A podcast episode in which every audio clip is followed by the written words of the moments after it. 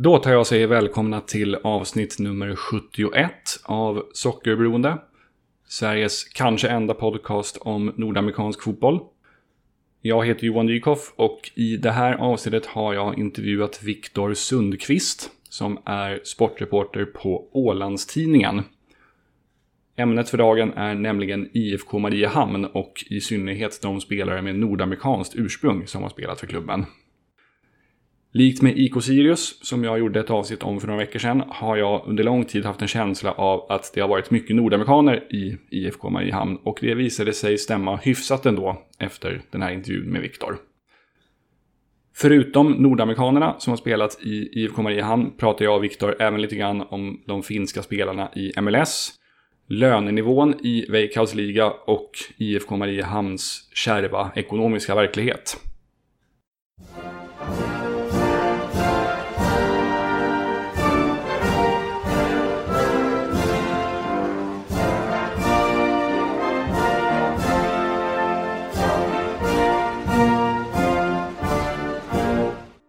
Till att börja med så måste jag förstås fråga dig vad du har för relation till nordamerikansk fotboll, om någon. Uh, alltså, den, inte jättestark kanske sådär. Det är väl inte första man har konsumerat. Men det var väl där med Zlatan-övergången. Då konsumerar man väl ändå lite mer. Jag minns Zlatans första match såklart. Men jag minns också det bra för det var. Jag var på en pappakonjak då. Vi hade hyrt en. Eh, eller han som hade blivit pappa hade hyrt en bastuavdelning och vi satt där och det var väl ganska blöt kväll liksom. Mm. Och jag kommer ihåg att vi satt uppe där och väntade på att den matchen skulle kicka igång. För mig att det var ganska sådär. Ja, men det var, jag kommer ihåg den här stämningen ändå att man var, det var, det skulle bli lite kul ändå. Liksom. Eh, och sen det där målet han gjorde. Eh, och så där. så det minns jag ju bra. Då kikar man en del matcher och så där. Men annars så är det väl. Uh, jag minns uh, mittbacken Oguchi Onievo eller vad han hette. Som var ja, i, precis. Ja, jag, jag, var, jag hade en period där jag spelade mycket Football Manager 09 tror jag det var, eller om det var 10. Någon av dem i alla fall upplagorna. Som det blev tusentals timmar i, eller hundratals mm. i alla fall. Och han var en sån där som ofta blev ganska bra i det spelet. Som jag kommer ihåg att jag värvade ofta. Ja. Han, var väl, han var väl inte så bra egentligen. Det var väl bara i spelet han blev okej. Okay. Han han hade några, några säsonger just i den perioden där. Han, han fick väl liksom sitt stora internationella break, jag tror det var 2009 i Confederations Cup, där han var så här fruktansvärt bra. Så var det. Det, var, det var i den vevan han blev värvad till Milan. Dessförinnan hade han väl spelat i så standard Liège. Eh, han hade till, nej han hade varit på lån i Newcastle tror jag. Eh, och varit, ja, men han hade varit liksom en okej okay mittback. Mm. Sen den där flytten till Milan han spelade inte match där, för jag var Nej, precis. Honom, för jag tänkte att vad gör han idag liksom? Och då såg jag att det var ju noll matcher där. Ja, precis. Och det han mest minns, är ihågkommer från den tiden för är att han hamnade i bråk med Zlatan på någon träning, apropå Zlatan. Det. Eh, det. är väl hans främsta avtryck i Ja, Milan, det gjorde han, just det. Ja. ja, då fick han inga spela sen, då var det klart. Precis, då, då hade han liksom stött sig med fel person där. Nej, och sen så efter det så var han i England tror jag, någon vända och sen flyttade han hem till USA. Men han var så, han var så extremt skadebenägen sista åren, så han spelade bara så här en kanske 30 matcher de sista 5-6 åren på sin karriär. Så eh, han, ja, nej, det, ble, det blev inte så värst mycket mer efter den där Milan, Milan-tiden. Men han har varit med många gånger i mitt eh, FN-bygge.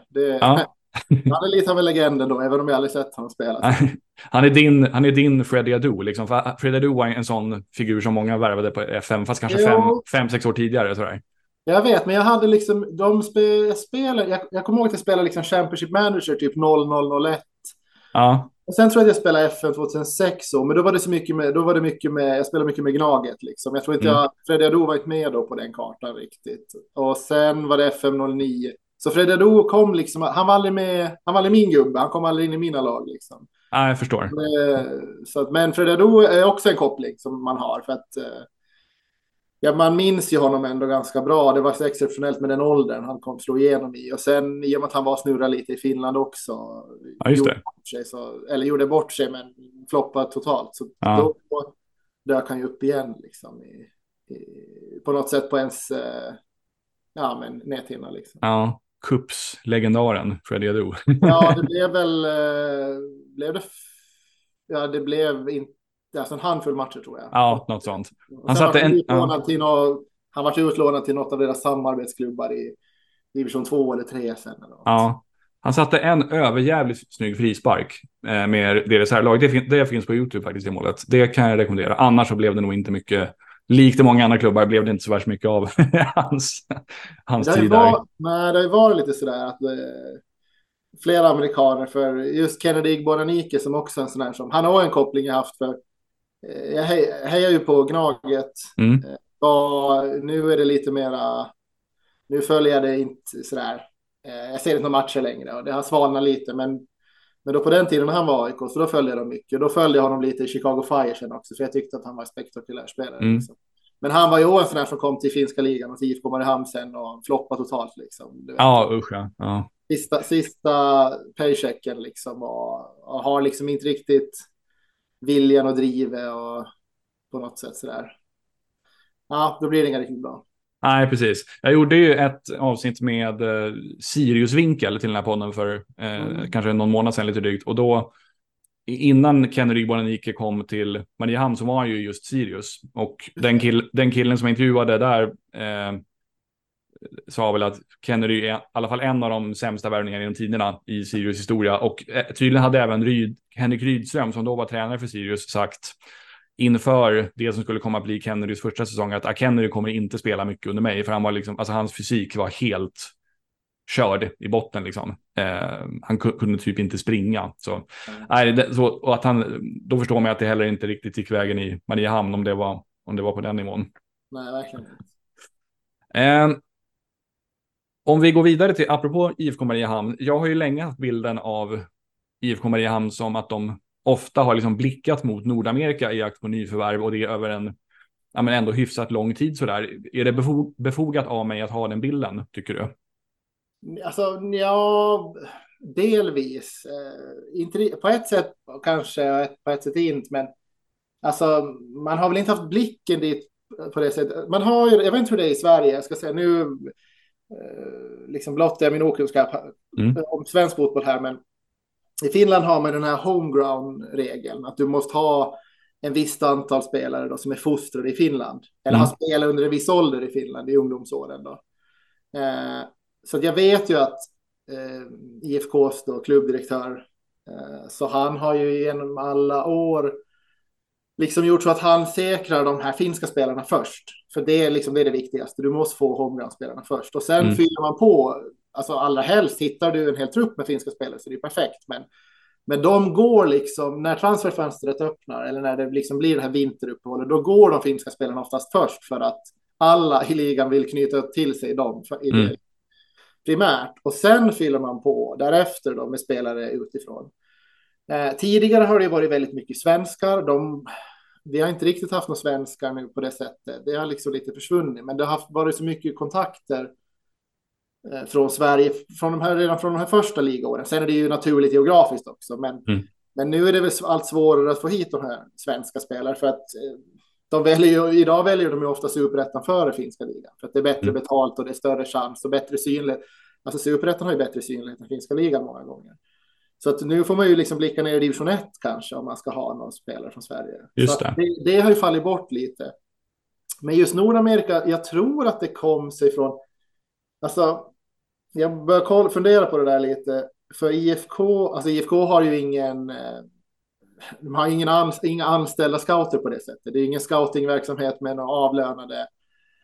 Eh, utan det är kontakter, ofta mm. med tidigare spelare, tidigare ledare. Man ringer och hör sig för. Vad kan du säga om den här? Eller något, liksom så här. Man, ja, det är på den nivån. Just det. På Facebook-nivån. Man kan ju till och med liksom att de skriver liksom på Messenger och frågar vad de håller på med. Men det vet jag ju att man har Alltså just Mason Trafford som var en av de första som kom hit. Eh, 2000, inför 2010 tror jag det var. Och han, han är en sån som man har behållit kontakter med. Eh, och han har väl fungerat lite som en scout då, alltså. Att man har kollat med honom. Och därför kom det ju där, eh, det kom ju några nordamerikanska spelare eh, samtidigt som han var och efter att han var. Men nu liksom de här senaste åren så har det ju, jag kollar här vem som var den senaste, vi hade ju en målvakt eh, en kanadensisk målvakt i fjol som heter Jan Fillion, men han var ju redan i Finland och Just spelade, var verksam. Så att, eh, och hade varit i två klubbar i Finland före. Liksom. Och före det så, så har det varit ganska tunt med nordamerikaner. Så jag skulle säga att det var i den svängen där. Så jag vet inte om man kan säga att man, de blickar kanske inte dit, men det var en period där i alla fall där man hade ganska eh, man hade väl kontakt med Mason Trafford tror jag. Där. Ja, just det. Lustigt att du sa det, för jag, jag eh, gjorde faktiskt en kort mejlintervju för Svenska fans räkning med Peter Mattsson, klubbdirektören, för Ja. ganska precis tio år sedan. Och då frågade jag lite grann om just de här nordamerikanska värvningarna i IFK. Och han sa då att eh, det började för några år sedan med en finsk agent som jag har gjort många affärer med, som meddelade att han nu börjat arbeta med Nordamerika. Och på den resan är vi idag. Och idag menas alltså 2013 då. Eh, vi scoutar inte själva i Nordamerika, precis som du sa.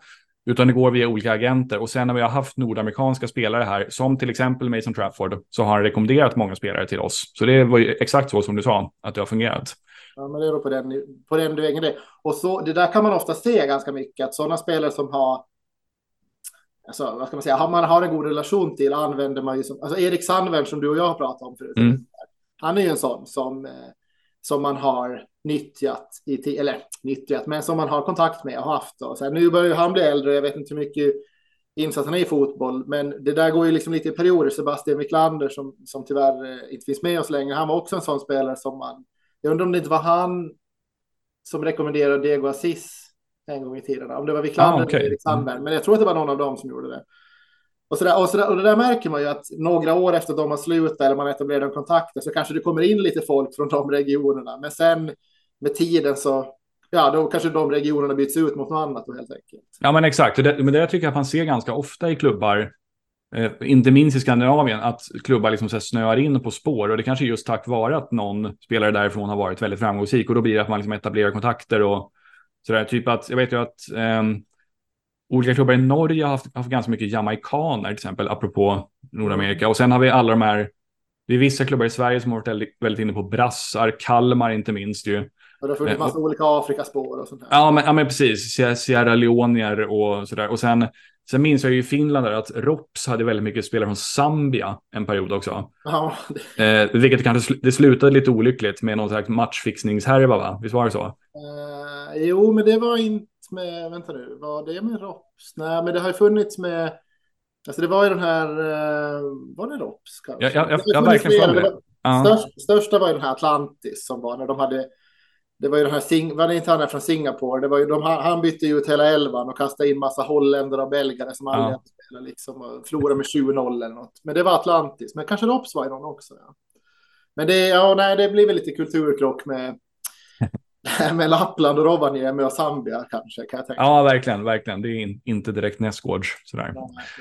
Eh, eh, finns det någon annan klubb i Finland som du, som du liksom associerar med nordamerikanska spelare? Och då tänker jag liksom hela Concacaf-regionen, alltså Nordamerika, Centralamerika, Karibien. Ja, alltså så här, nu, nu, nu killgissar jag lite här. Det här är Mm. bara, bara på känsla, så att någon kan säkert rätta mig och säga att nej, det stämmer inte. Men, men SJK som har storsatt de här senaste åren känns som en sån här klubb som har haft ändå. Eh, de har plockat in några från den regionen skulle jag säga. Det, det känns som att de jag ändå kan. Jake Jervis och några där som har varit. Coops har i tiden haft några också, Mm. sådär, men inte, inte nu på senaste, utan det, då får du nog backa. Nu har ju Coops satsat ganska hårt och är ju en av toppklubbarna i Finland, men, men backar man band eh, ja, ett par år, tio år kanske, eller någonting sånt, så då var ju Coops lite, det var lite jojo-lag som sådär, var i botten av eh, ligan och i toppen av att de höll på att pendla mellan divisionerna lite. Mm. Då var det väl lite nordamerikaner här för mig, sådär, men det är väl kanske de VPS tyckte jag mig se när jag researchade. VPS också, absolut. VPS, men de är ju mycket, det är lite, just det, det där kan det vara lite så här just jamaikaner och sånt. Så, Ja, Absolut, ja men VPS har de. ja. Just det. Eh, eh, vi ska snart gå över till de nordamerikaner som spelat i IFK, men om du tänker på nordamerikaner överlag i Veikkaus liga, är det något eller några namn som sticker ut särskilt sådär? Någon som har varit särskilt bra eller särskilt stökig eller, eller så? Ja, det är så svårt det där för att man, dels glömmer man ju så snabbt. Eh, Mm. Och sen är jag ju så, i jobbet så blir jag ju så, jag blir ju så IFK Mariehamn-fokuserad på något Mm. sätt. Det, det, alltså, de som har gjort avtryck på, ja, men till, alltså, de som, alltså den som poppar upp först egentligen är väl Deborah Orgil, liksom, men då Ja. är det ju IFK-ögon jag har det liksom. Men det kan hända att jag glömmer någon storstjärna sådär, men ja, Det var inte, Fred, in, inte Freddy Adu i alla fall. verkligen inte det då. Nej, men Deborah Orgil slänger jag väl in ändå. Ja. Då, han måste komma med på en topp tre-lista ändå. Det, Ja. Jag kan inte se någonting annat. Så att jag, jag känner att jag har ryggen fri ändå med honom. Men däremot är det ganska, har det ju varit nu senaste året ganska många finska spelare som har gått till MLS. Just det. Alltså, eh, senast nu då Pukki. Eh, men eh, det har väl funnits några. Thomas Lahm var, har väl varit där. Och Det känner inte, men Rasmus Schüller och eh, Jukka Raitala har varit där. ehm, Just det. Alexander Eh. Ring också. ja, just det, han är där fortfarande i Austin. Det är ju ganska nytt liksom. Det är, sen, alltså backar du bandet tio år tror jag inte det var jättemånga finnar som hade varit där. Någon kanske, men, Mm.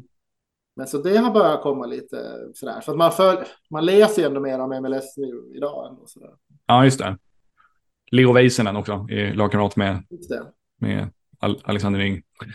Eh, jag kollade lite på så här, vilka, alltså om man tänker Veikkaus liga eh, överlag, vilka som har liksom gjort avtryck bland de nordamerikanska spelare. Och den amerikan som enligt Transfermarkt har spelat flest matcher i Veikkaus liga är faktiskt Brian Spann. Eh, men, men jag tänkte att vi, honom kan vi gå in på lite senare när vi pratar ju specifikt, eh, specifikt IFK. Bland kanadensare som har spelat flest matcher så är det en anfallare som heter Frank, jag tror man säger Jonky, som spelar för Olo, Inter och Jaro som gjorde en del mål där. Ringer det någon klocka? Nej, helt ärligt, nej. Nej. Det kanske gör det, men eh, nej. Vilka år var det? Eh, jag kan kolla, han var där, eh, jag tror att vi snackar kanske mitten på 10-talet sådär. Frank och sen Jonke stavas efternamnet. Han var där, ska se. Ja, Olo 9-10, in, FC Inter 2011, Jaro 12-13. Gjorde ändå ja, 20 mål på 46 matcher i Jaro, men det kan vara så att det var huvudsakligen i andra ligan kanske. Nej, det borde inte ha. Tror inte har, nej, de hade nog inte åkt ut då ännu. Nej, okej. Nej, det är möjligt. Alltså, jag, jag ser honom här nu. Gjorde en massa prytt. Men Olo däremot var nog inte i... De tror jag inte att var i ligan de där åren. Nej, okej. Men nej, ja, väldigt liten klocka som ringer om ens någon. Måste Ja. säga. Eh, en, en klocka som kanske ringer lite, lite starkare är ju den vad gäller den jamaican som har spelat flest matcher i Vegas liga, för det är Steven Morrissey Ja, i. VPS. Ja, Han har varit håller på nu och gnetar. Precis, varit där ända sedan 2011, så han måste ändå varit någon slags Ja, men han, är, han är ju en VPS-profil, det får man ju säga. Ja, Och, eh, men han kör på nu. Det, Mm. Nu har han väl, eh, får väl ganska snålt eller sparsamt med tid. Och VPS går ju, och har gått knackigt många år här nu. Mm. Jag tror att det är de som ryker i år. Men, okej. Mm. men han kör på. Absolut, han är en profil. Ja, just det. Det är någon så här, ni har nu med någon så här eh, nedflyttningskval va? I eh, finska ligan. Visst, Ja, visst har ni det-? Ja, eller det har vi alltid haft. Men förut var ju ligan uppdelad i, det var en rak liga som åkte det, jumbon ut och så näst jumbon kvala. Men nu är det ju, man delar ju upp serien liksom i, i två då. Eh, Man Ja, kör just två omgångar och sen så delar man upp, det är tolv lag då, så sex lag går till mästerskapsserien och sex lag går till den här undre serien. Mm. Eh, och då möter man alla där då en gång. Och sen, men sen är det fortsatt så att jumbon åker ur och nästjumbon kvar. Ja, okej. Mm. Vad tycker du om det systemet? Um, alltså, jag var ganska skeptisk i början. Nu tycker jag väl att det är helt okej ändå. Jag har Mm. ändå vant mig med det. Eh, det enda som jag fortfarande är lite... Jag förstår poängen med det, men man har ju alltså ett... Alltså ettan går ju direkt till Champions League-kval och tvåan går direkt till Europa Conference-kval. Mm. Men sen har man ju då att trean, fyran, femman, sexan plus vinnaren av den nedre serien, alltså sjuan då. De gör sen upp, de fyra lagen gör upp om tre, fyra, fem, sex, nej men då blir det sju, nej hur blir det då? Nej det är väl kanske tre till sexan, men i alla fall fyra lag gör i slutändan upp om, om en sista eh, plats till Conference League genom Mm. att man spelar semifinal och sen final. Jo, så är det. Det är trean till sexan. Men däremot så eh, kuppen spelar ju in. Så att till exempel i vissa år, ganska ofta, så blir det ju så att också sjuan kommer med för att något av de lagen som är i övre serien eh, får en plats via kuppen. Mm. Eh, så jag vet ju, och det känns, tycker jag, de åren blir lite konstigt. Eh, eller att du ska gå, att du kan från nedre serien gå och ta en plats till Europa nästa år. Eh, om det inte är via kuppen, men via ligaspelet. Det känns för mig märkligt. Eh, plus att det blir också, men det är för att man ska skapa spänning in i det sista liksom. Mm. Men det som också jag tycker blir lite tråkigt med det är att det betyder ju med andra ord att så länge du tar ditt övre serien så kan ju du teoretiskt sett, du kan ju förlora alla matcher resten av säsongen. Och du vet att du har en garanterad plats att ändå få spela om Europa. Mm. Jag minns att IFK Mariehamn gjorde ett år det, att man, man tog sig vidare som sexa. Eh, man hade ingen, man hade inte häng på något annat, alltså man, man, man visste man blir sexa. Men man vet ändå att man har det där i slutändan. Liksom. Just det. Mm. Man säkrar kontraktet och du har, du har ingen chans att avancera i tabellen. Du kan bara liksom eh, spela av resten av matcherna för att sen ta dig an det här kvalet. Just det. Det låter lite, påminner lite om hur det funkar med MLS-slutspelet. Att där det är så jäkla många lag som från grundserien som kvalar in. Att ibland, det har ju hänt liksom att lag går till slutspel på målskillnad och sen går de och vinner slutspelet. Och så känner man fan, men ni, ni är ju inte alls värdiga det här. För ni, ni, är ju, ni är ju verkligen inte bäst. IFK var ju nära att ta en sån plats. Alltså de, eh, var det 2018 kanske? 18 mm. 19, kanske det var, nej 18 måste det ha varit tror jag. Som man, eller var det 17? Strunt samma, men um, det var något år efter guldet i alla fall. Så då kom man ju, uh, om man kom sexa då tror jag, i, just i grundserien och fick, uh, och då tog man sig hela vägen till finalen av den där. Mm. Uh, och, men förlorade den sen då mot de som, som var trea. Nej, så är det. Okej, okay. sorry. Nu håller jag på. Nu ja. kommer jag på det systemet. Just det. trean går direkt till final. Så är det. Så trean har en plats i den här finalen. Ja. Sen gör fyran, femman, sexan och sjuan ja. upp om mm. den sista finalplatsen. Så de har semifinal mot varann och sen en minifinal. Och vinnaren i den minifinalen möter sen trean om den sista, den här Europaplatsen. Då. Och de åren som kuppen spelar in att de har en garanterad plats, då kommer även åttan med. Alltså okay, då kommer ja. Tvåan i den här nedflyttningsserien med. Så, det, Oj, ja. så det blir ju väldigt så här, du kan komma åtta av tolv och ha chans på Europa. Men det året som IFK höll på att gå, gå vidare, så då vann man alltså, man vann sin semifinal, man vann sin den här minifinalen, men sen förlorar man liksom den här sista finalen då mot de som var tre. Jag tror att det var FC Honka det året liksom. Mm. Så det är ju en lång väg att gå, men att du ens har möjligheten är ju, det är lite knas. Ja, verkligen. Ja, varför göra det enkelt? ja, precis. Eh, jag kollade lite övrigt så här på spelare från Concacaf-länder i Veikas liga och jag kan bara liksom rabbla några som jag hittade som var från lite, lite roliga länder sådär. Eh, Aubrey David, en försvarare från Trinidad och Tobago som spelar för Jaro. Eh, Kemi, visst heter de så? Eh, och VPS. Eh, Ilves har idag en landslagsman från Bermuda som heter Jair Parfit Williams.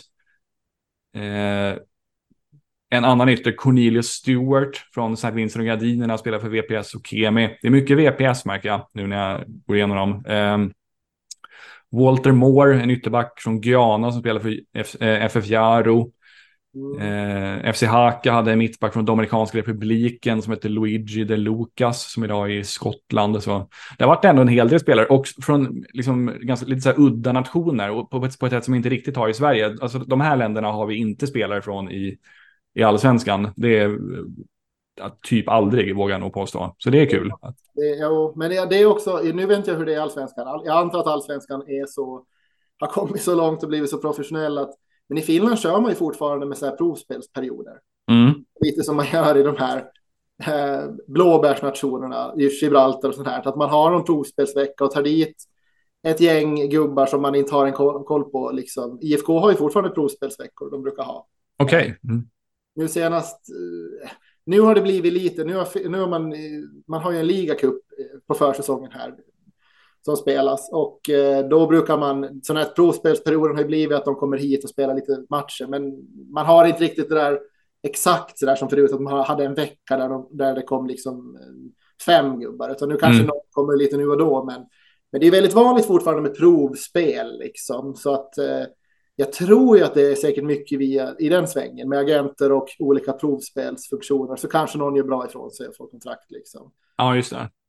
Jag skulle, jag, skulle, jag skulle nog spontant säga att i allsvenskan så i, i den mån spelare provspelare så är det då är det nästan bara uh, riktigt unga spelare, alltså som sådana kanske är så 17, 18, 19 typ.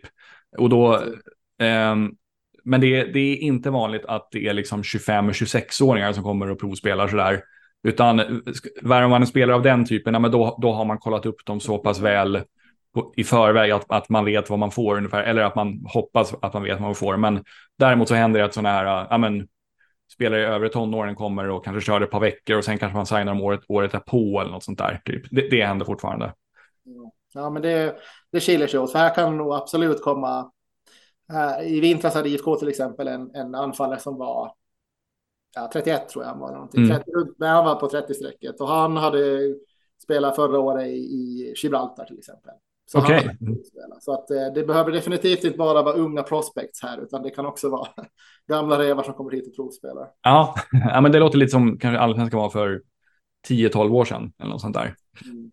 Eh, om vi går över till nordamerikanerna som har varit i IFK eh, och så kan vi börja med amerikanerna tänker jag. Där hittade jag eh, inräknat Brian Spando som jag höll på att missa så hittade jag tre stycken, eller fyra blir det med, med han Funicello, förlåt. Eh, de vi kan, Funicello var väl inte så se hur många matcher gjorde han för IFK? 14 stycken får jag till. Ah, men då, då kan vi städa av honom och Lamar Nagel ganska snabbt, för de gjorde inga jätteavtryck. Eh, ytten Lamar Nagel, Funicello var försvarare. Just det.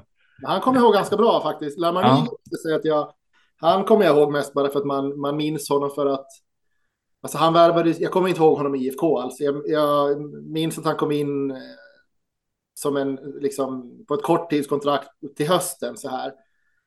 Den säsongen han var, han gjorde, han gjorde något mål och något inhopp, mm. men, men, han var liksom så kort period så att man, man minns inte honom. Men man minns honom sen för att just i de här olika IFK-forumen för att han ändå slog sen liksom i MLS. Absolut. Um, så det tyckte man var lite skoj liksom, men, men så här, från IFK-tiden minns jag inte honom alls. Men, men Funicello minns jag, han är faktiskt en av dem som, alltså, Eh, som jag liksom haft lite kontakt med efteråt. Eh, mm. håller kontakt med på något sätt. Han, eh, jag minns honom ganska bra för att han var en sån här, alltså på den tiden han var här då, 2010, 11 eller när det var, så det var ju, det är ju inte, han var ju, han var ju en idag modern ytterback. Han var ju en ganska offensiv ytterback som gärna mm. ville med upp och överlappa och fylla på och det gick inte riktigt hem i den tidsandan eller hos den tränaren som var Pekka Lysky på den tiden som var mm. väldigt. Eh, Mason Trafford till exempel var i vänsterback och han var ju en sån som han steg ju inte över halva plan. Han var ju väldigt defensiv liksom. Ja. Uh, förutom om det var fasta situationer och hörnor, då ska man upp och nicka. Han var ju mer som en, han var ju mer som en mitt, alltså vet du, mitt, han skulle passa bättre egentligen i mittlåset till vänster. Så här. Mm. Fick vara vänsterback ofta. Och och, sån, och han gick ofta före då liksom på det sättet. Och Funicello som var, han var ganska duktig. Alltså han, var, hade, han var väldigt ambitiös och sådär. Men han, fick ju, han blev ju alltid åsidosatt just för att han var för offensiv. Eh, och ville okay. för mycket ja. framåt. Och jag kommer ihåg honom bra för att han, eh, han blev väldigt irriterad och frustrerad för att han inte fick speltiden. Han tyckte att han var värd liksom. Mm. Bra. Och jag kommer ihåg också att han folk tyckte att han var ett träningslejon och gjorde väldigt bra ifrån sig på träningarna. Men jag kommer ihåg, jag gjorde en intervju med honom sen då, för han var, det, man vet ju att det, det blir aldrig bra när de gör det, men han gick faktiskt ut och kritiserade tränaren i mm. en intervju med honom där han var frustrerad då. Att han inte fick speltid och det, man förstår ju att han fick ju inte mer speltid efter det heller. men han är en av få som ändå har på det sättet liksom eh, gått ut offentligt och och kritisera eh, tränaren. Eh, Just det. och det minns jag. Mm. Ja. Eh, han håller till för övrigt nu, det vet jag. Jag har dålig koll på de övriga, vad de gör idag, alltså mm. de som har slutat. Men han vet jag, Han kör, eh, han är i Costa Rica någonstans och har en, en, en fotbollsakademi som heter Sockervisa. Ja, ja, just det. Det, det, det känner jag igen. I, känns som att han har dragit den i säkert tio år nästan, men, eh, men länge. Det är mycket sånt i mitt Facebookflöde som kommer. Ja. Uh, håller på där. Just det, men det, det känner jag igen. Och att det är nog ett antal spelare som har kommit via den till Skandinavien, tror jag. Ja. Um, så det, det, känner, det känner jag också igen. Han, hade, han var ju själv och snurrade i Island sen efter IFK. Precis. Uh, så att många från Sockervisa har ju sen tagit steget i isländska division 1 och sånt. Liksom. Ja, just det. Just det, det känner jag igen. Uh, en som kanske gjorde lite mer avtryck på planen är ju som, som var inne på Josh Wicks. Uh, mm. Den excentriska målvakten som var där 2011 har jag läst mig till att det var.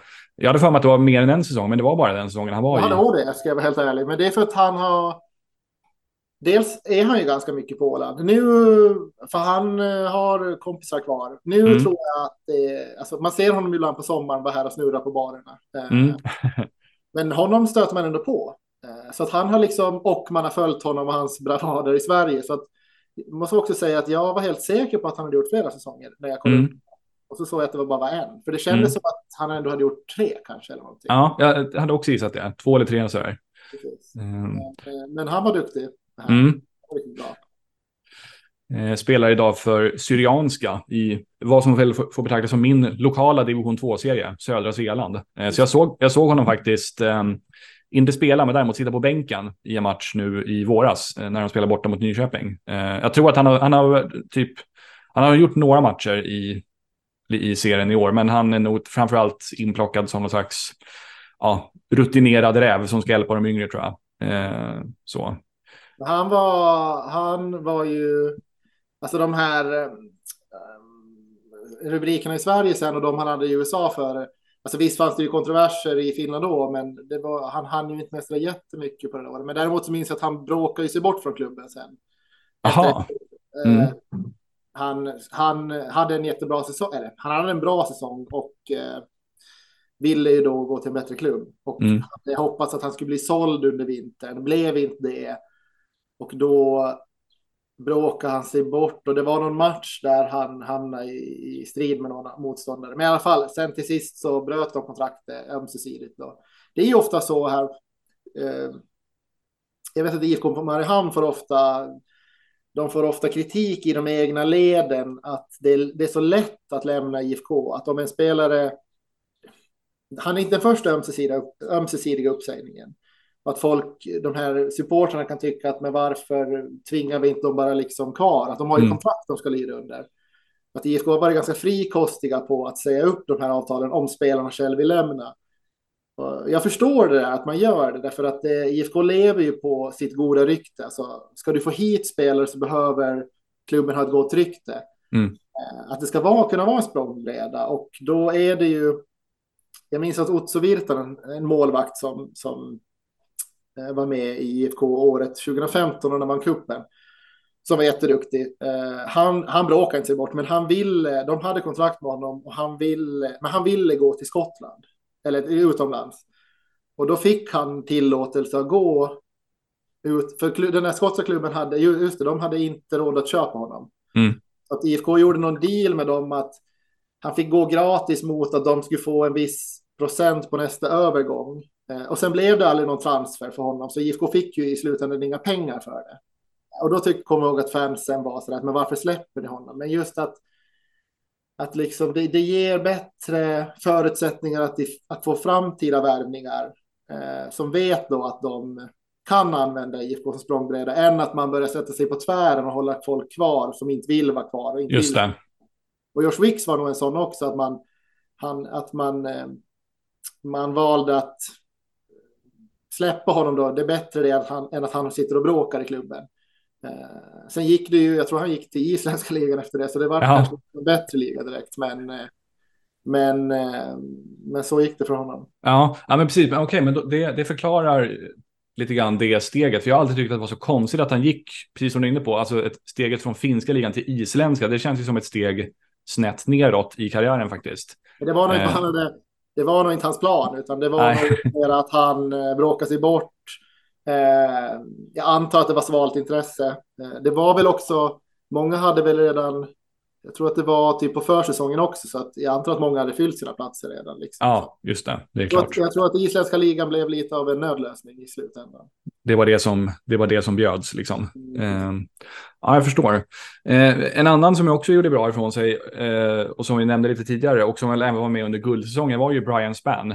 Mm. Eh, yttern som sen gick till Västerås SK och som nyligen avslutade karriären med en säsong i IFK Haninge av alla klubbar. Eh, hur är han ihågkommen i Mariehamn? Alltså jag, om jag bara säger hur jag kommer ihåg honom så är det intressant för jag kommer ihåg honom. Han är en sån här spelare som man kommer ihåg Mm. fast ändå inte. Alltså, han spelade alla matcher i princip. Han var väldigt liksom lojal, eller han var ett säkert kort att ha. Man Mm. visste att han, var, han kunde spela hur många matcher som helst, han kunde spela hur många minuter som helst kändes det som. Han gjorde alltid sitt, men det var liksom...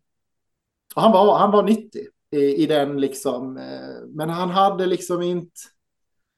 Ja, men han, var, han var en bra gubbe i ett kollektiv, men eh, han var ingen liksom showman på något sätt eller eh, sådär. Men han gjorde jobbet och Mm. man visste vad man fick av honom och eh, han passar bra in i den fotboll som IFK spelade de säsongerna under Peter Lundberg. Man spelar ju med en väldigt, eh, eh, vad ska vi säga, alltså man satsar ju mycket på, på snabba omställningar, försöka bryta bollen på, på mittplan, eh, i, lägga in liksom koncentrerade pressspel och försöka erövra bollen och sen på två passningar gå på avslut liksom. Mm. Åren man vann hade man ju till exempel, jag tror man hade minst bollinnehav eller om det var näst minst boll- bollinnehav i hela ligan. Men skapa, var ett av de lagen som skapar flest målchanser per match. Eh, Och där var, i det spelet var han ganska bra i det här. Mm. Han tågar på på sin kant liksom. Men han var inte en sån här, han spelar ju ofta ute till höger liksom.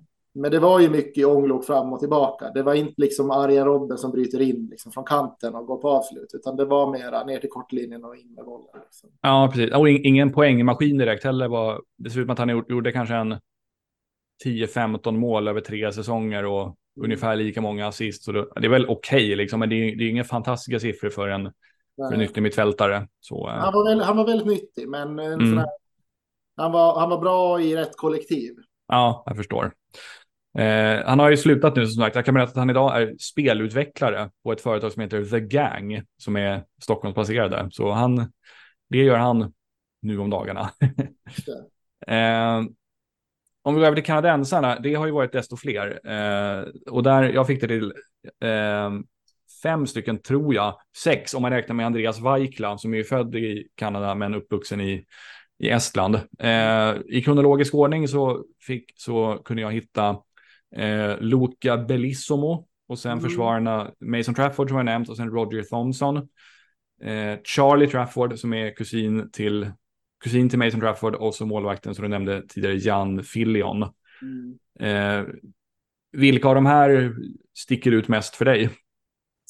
Um, alltså Mason Trafford såklart. Eh, Och det är också sådär mm, lika förvånad som jag var över att Josh Wicks bara hade en säsong så var jag nästan lika förvånad över att Mason Trafford bara hade tre, äh, tre säsonger och eh, 65 match i ligamatcherna. Mm. För han kändes som en sån som, eh, ja men till exempel om vi sätter i kontrast eller jämförelse med Brian Spann. Hade, jag hade lätt sagt att Mason Trafford hade spelat fler matcher än Brian Spann. i- Mm. Eh, för att han blev ändå, ja men han, eh, kom, jag kommer ihåg honom så bra, eller så väl liksom just. eh, han kändes som en större IFK-profil liksom.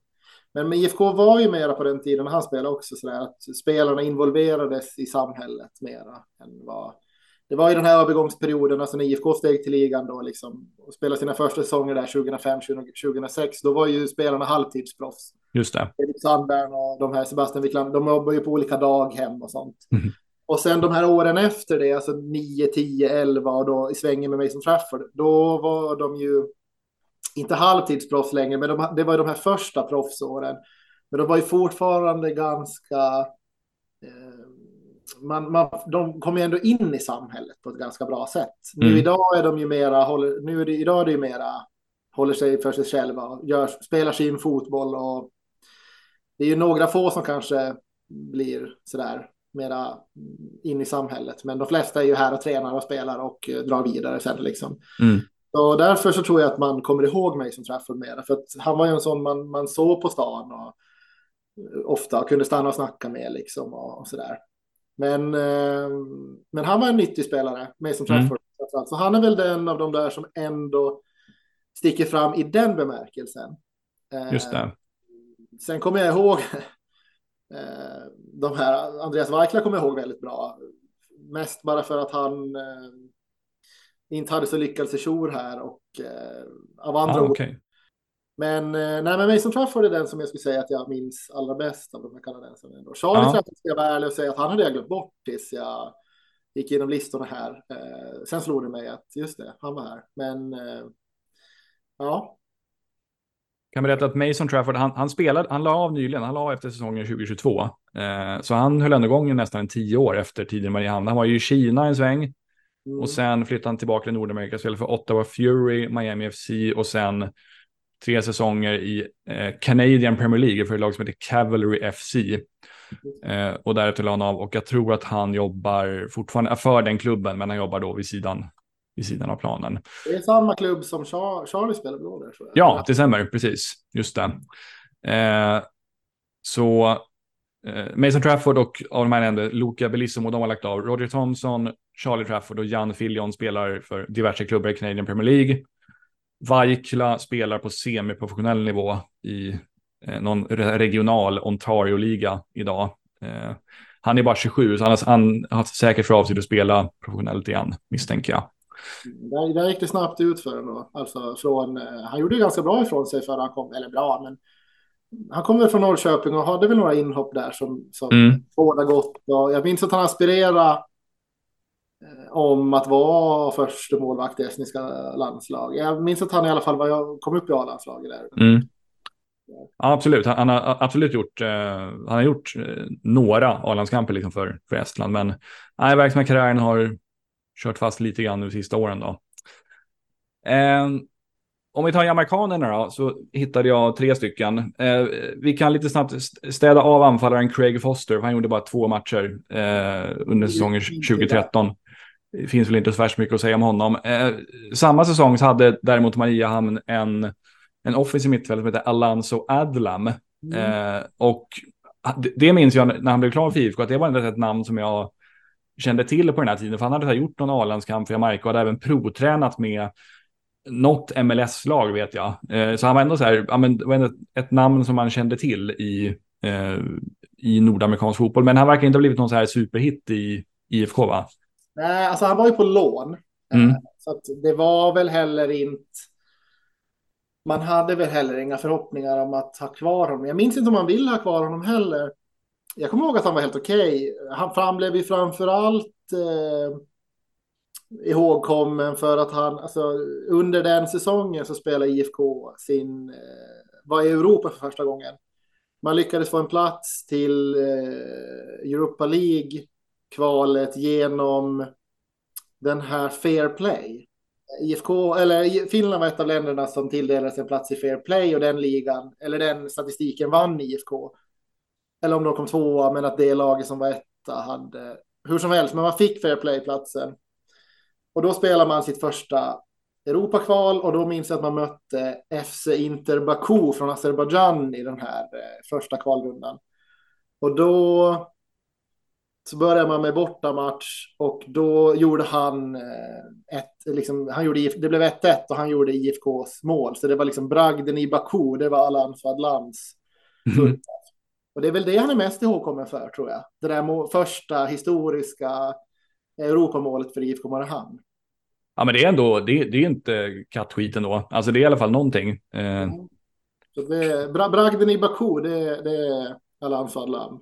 ja, just det.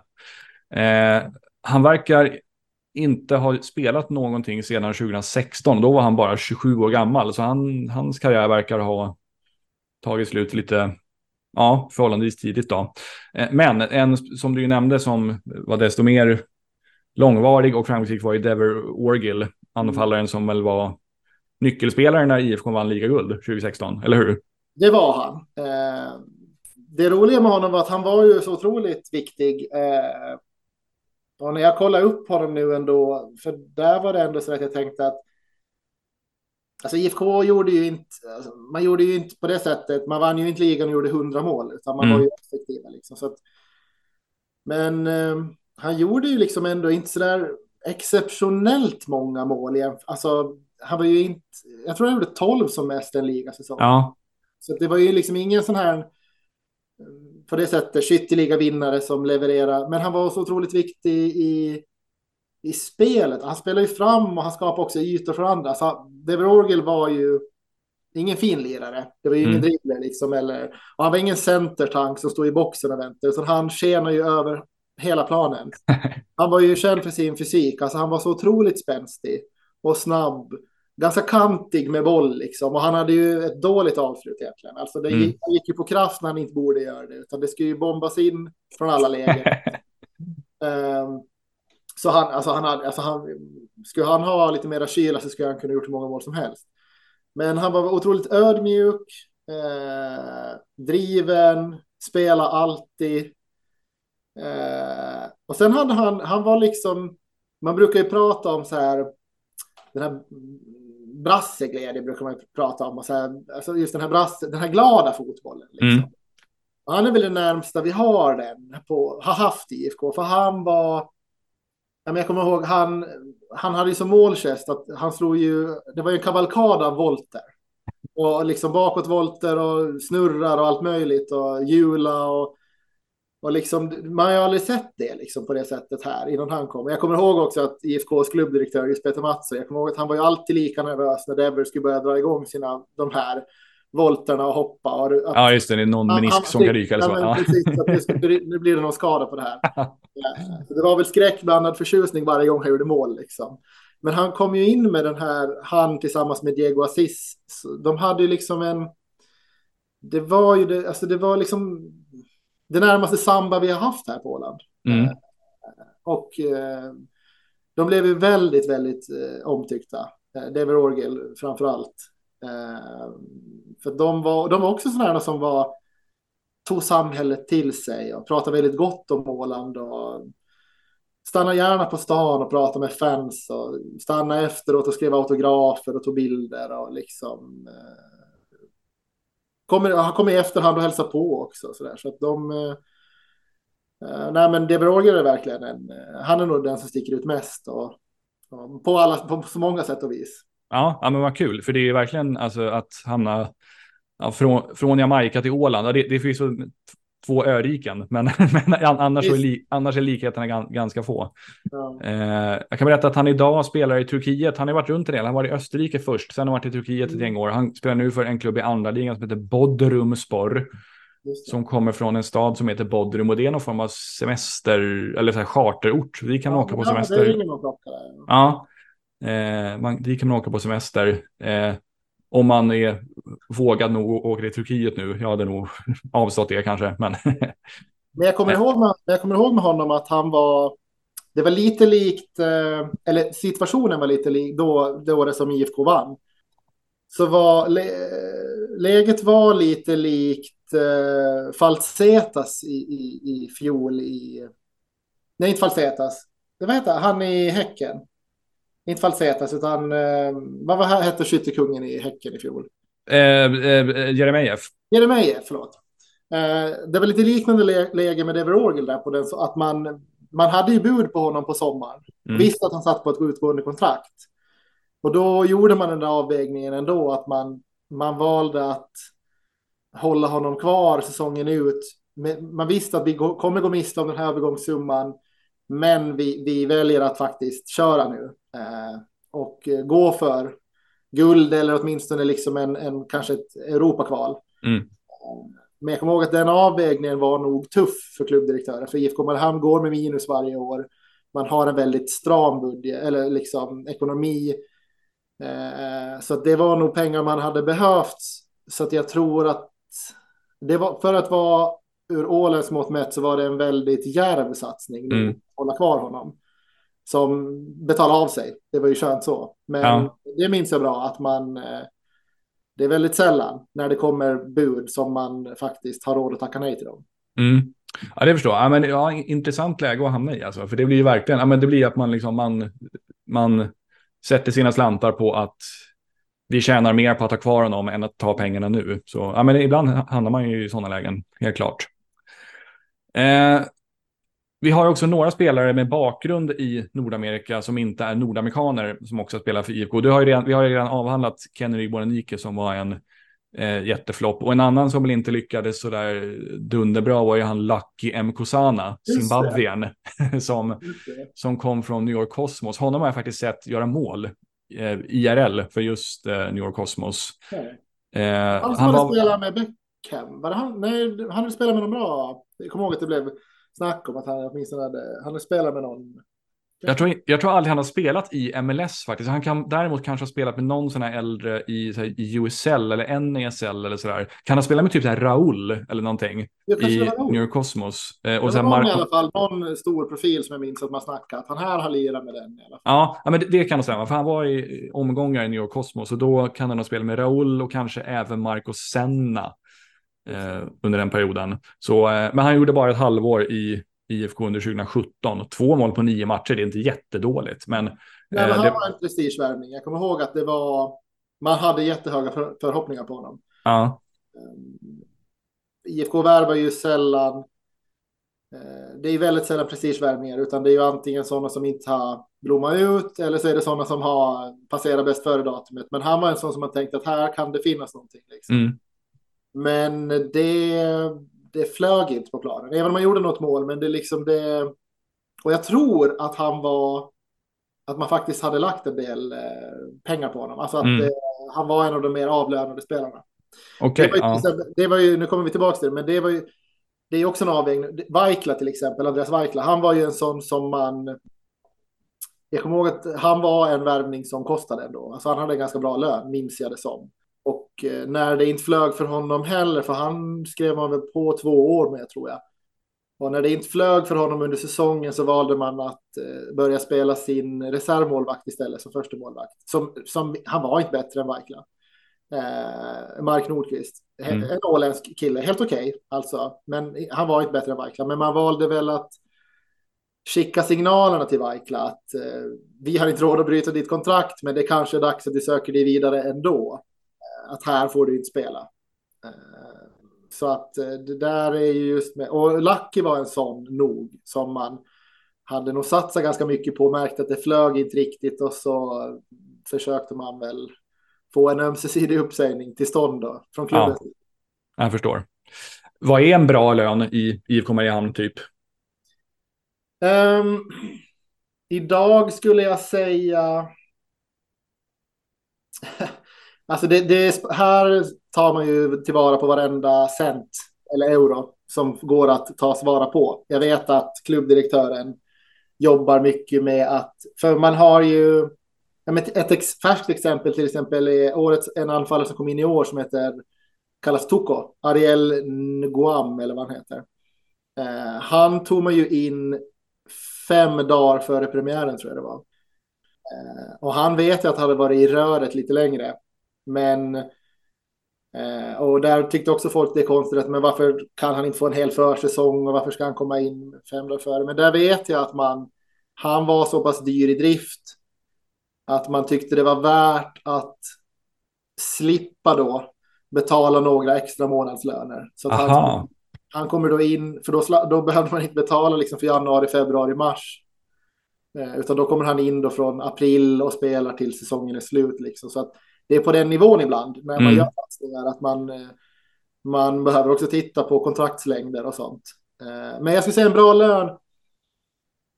Um, alltså runt 3000 euro någonstans. Ja, det är på den nivån. Okej. Okay. Alltså ja. Under 4000. Jag skulle säga, utan att jag vet exakt så skulle jag säga att de bästa har någonstans. Ja, men jag tror inte att det är någon som sitter på 4000 utan någonstans på någonstans på 3 000, vad är det då? Någonstans på 30 000 kronor plus. Ja, just det. Just det. det är väl ungefär... Det är, det är som en skaplig superettanlön, tror jag ungefär. Eh, kan jag tänka mig. Och, om, vi, om vi tänker liksom eh, HJK, eller de, de stora klubbarna i Finland, då snackar vi det dubbla eller tredubbla, eller? För de bästa ja, spelarna. Ja, det gör vi. Då snackar vi de bäst betalda i HJK så kommer vi nog upp i, ja, men det måste nog vara absolut tredubbla.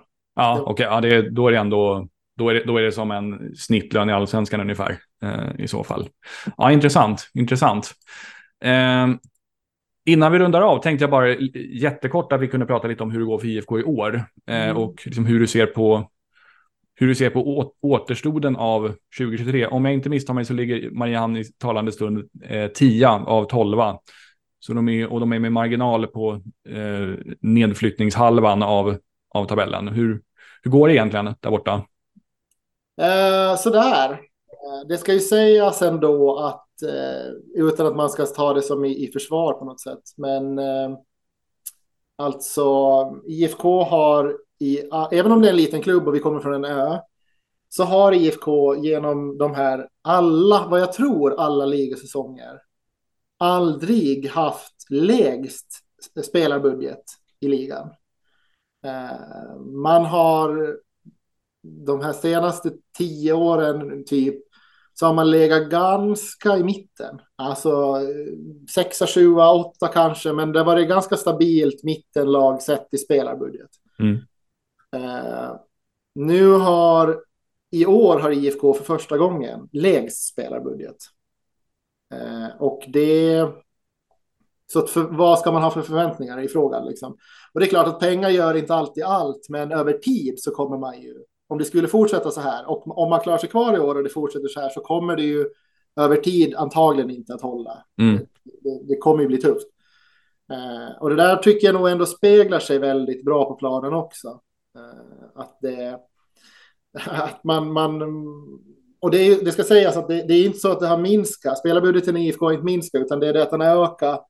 Den har också ökat på här i IFK, men den har inte ökat i, i lika stor utsträckning som den har ökat i, i övriga Finland. Eh, så att man, man, har blivit lite, man blir lite ifrånsprungna på det sättet. Eh, men med tanke på det så är det då till exempel har man lägst spelarbudget och inte ligger sist. Är det då en framgång? Ja, kanske, kanske inte. Men det ser. Det har inte sett bra ut. Mm. Eh, det har börjat se lite bättre ut. Eh, det ska sägas att de här två senaste säsongerna som IFK har klarat sig kvar och man har klarat sig utan kval. Det har ju inte varit på grund av IFKs egna prestationer, utan det har egentligen varit att man har haft fördelen eller turen med att det har funnits ännu sämre lag som har alltså riktiga botten mm. som inte har fått poäng överhuvudtaget. Och man får nog förlita sig eller hoppas på att det blir så i år också. Jag tror inte att poängskörden kommer bli särskilt hög. Ska IFK räddas så är det nog på grund av att eh, de två lagen som är nu i botten, då VPS och Lahti, eh, inte heller flyger. Just det. Så är det. Men det ser, det, det, nej, det, har, det har faktiskt inte sett bra ut. Eh, nu på senaste också så har man ju dragit på sig, vilket är jag kan inte komma på, IFK har aldrig varit ett lag som har tagit mycket kort. Som jag nämnde tidigare, de vann den här fair play-ligan. Jag kan, kan, inte komma ihåg att IFK någonsin har varit så mycket regelöverträdelser. Liksom. Men nu har man ju lyckats dra på sig tre röda kort här de senaste är det fyra eller fem ligamatcherna, varav två har, kommit först, två har kommit i första halvlek. Och den här senaste nu, i senaste matchen kom efter typ 50 minuter någonting. Ja. Och då blir det tufft. Är man ett bottenlag och håller på att dra på sig utvisningar så då, då blir det inte många poäng med sig hem heller. Nej, precis. Nej, kämpigt. Så jag kollar lite på truppen nu. Jamie Hopcat får varva igång så att ni nu sista ja, andra halvan. Alltså, man ser att han har mycket fotboll i sig, men eh, han har inte heller. Man hade nog högre förväntningar på honom än vad han har levererat hittills. Men absolut, ja. han, han, han kan blixtra till ibland. Han är inte en flopp så som Igbo Nike liksom, eh, eller så. Men, eh, men med tanke på hans meriter så hade man nog hoppats att han skulle kunna dra det där tåget lite mer än han gör. Nu har han ja. dragit med skador och sådär. Men... Det börjar bli ett tag sedan han var, han gjorde något liksom vettigt poängantal och sådär. Jag tror det var typ när ÖFK var i superettan. Så han gjorde några mål i allsvenskan, det var väl liksom helt okej, okay, men Han har inte vräkt in poäng direkt. Och den där, den, den där märkliga saudien, han hade lämnat såg jag. Han har de lyckats, ja, nu ska jag säga att jag är på semester nu, så att jag Ja. har liksom inte alls varit på jobb eller involverad i den här svängen, utan jag har bara läst det som har skrivits. Men alltså, han tog dem alltså in gratis. Eh, för att han eh, hade väl inga andra klubbar. att välja. Det fanns inte så många fönster som var öppna när, när han väl skulle. Han blev väl mest känd för att han var Cristiano Ronaldos gamla lagkamrat. Ja, just det. Men han eh, lyckades då komma hit, spela, göra några inhopp, någon start och sen har man enligt då uppgifter sålt honom för ett sexsiffrigt belopp. Alltså, vi pratar ändå alltså miljonen i kronor då. Oj, ja det, är, det låter ju ändå som en ganska bra deal för IFK då. Ja, det är, måste ju vara århundradets eh, försäljning. Alltså ta in en kille som... Man såg att han hade fotboll i sig. Han var, han var absolut, men han var ju... Det var det som blev så märkligt. De tog ju hit honom helt matchotränad. Eh, hade honom att liksom, nu ska han träna i några veckor och bli matchklar. Mm. Eh, Han fick varva igång med några inhopp. Han fick spela någon kuppmatch mot lägre motstånd och tänkte man att nu, nu, liksom, nu ska han köra. Men så fort man kom i matchform så då lyckades man klänga iväg honom. Mm. Ja, men det är... det är ju en bra förvärv, en bra liksom man tar in någon gratis och säljer honom två månader senare för för en miljon kronor. Liksom. Ja, men absolut. Ja, ja, verkligen, verkligen. Det ska man inte klaga på. Det, jag funderar på, det var någon, det ringde någon klocka från allsvenskan också, där det var någon sån... sån det, ja, dels han, han Berisha som Bayern värvade, han norska anfallaren som bara var där i fem månader. Men det var sådana, det var ju, de, Bayern köpte honom jättedyrt och sålde honom jättedyrt. Sen Odilon var ju bara där i så fem månader. Han kom väl i princip gratis och gick för sen 40 miljoner eller sånt där. Ja, men det händer ibland, absolut. Eh, ja, men då, han, vad heter han, Asiri, han, det var liksom större avtryck på bankkontot än på planen, så att säga. För, Verkligen. Och nu, nu Ja. hoppas man ju, man hoppas ju att de ska kunna förstärka truppen nu då just det. i sommar med tack vare de här, de här pengarna som det då har ryktats om att man har sålt honom för. Ja. Kanske det blir någon amerikan eller kanadensare eller någonting, eller amerikan. Vi hoppas på det.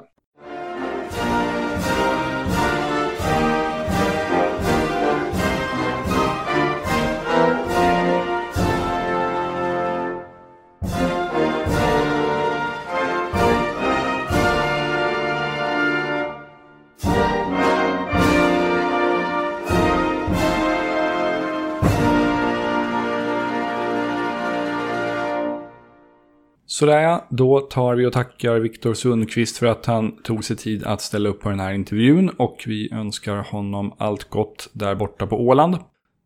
Vi håller också en extra tumme för att det snart börjar gå bättre för IFK Mariehamn så att de stannar kvar i Veikkaus liga för de är ett kul inslag där tycker jag. Tack så mycket för att ni har lyssnat idag. Ta hand om er så hörs vi igen i kommande avsnitt av Sockerberoende.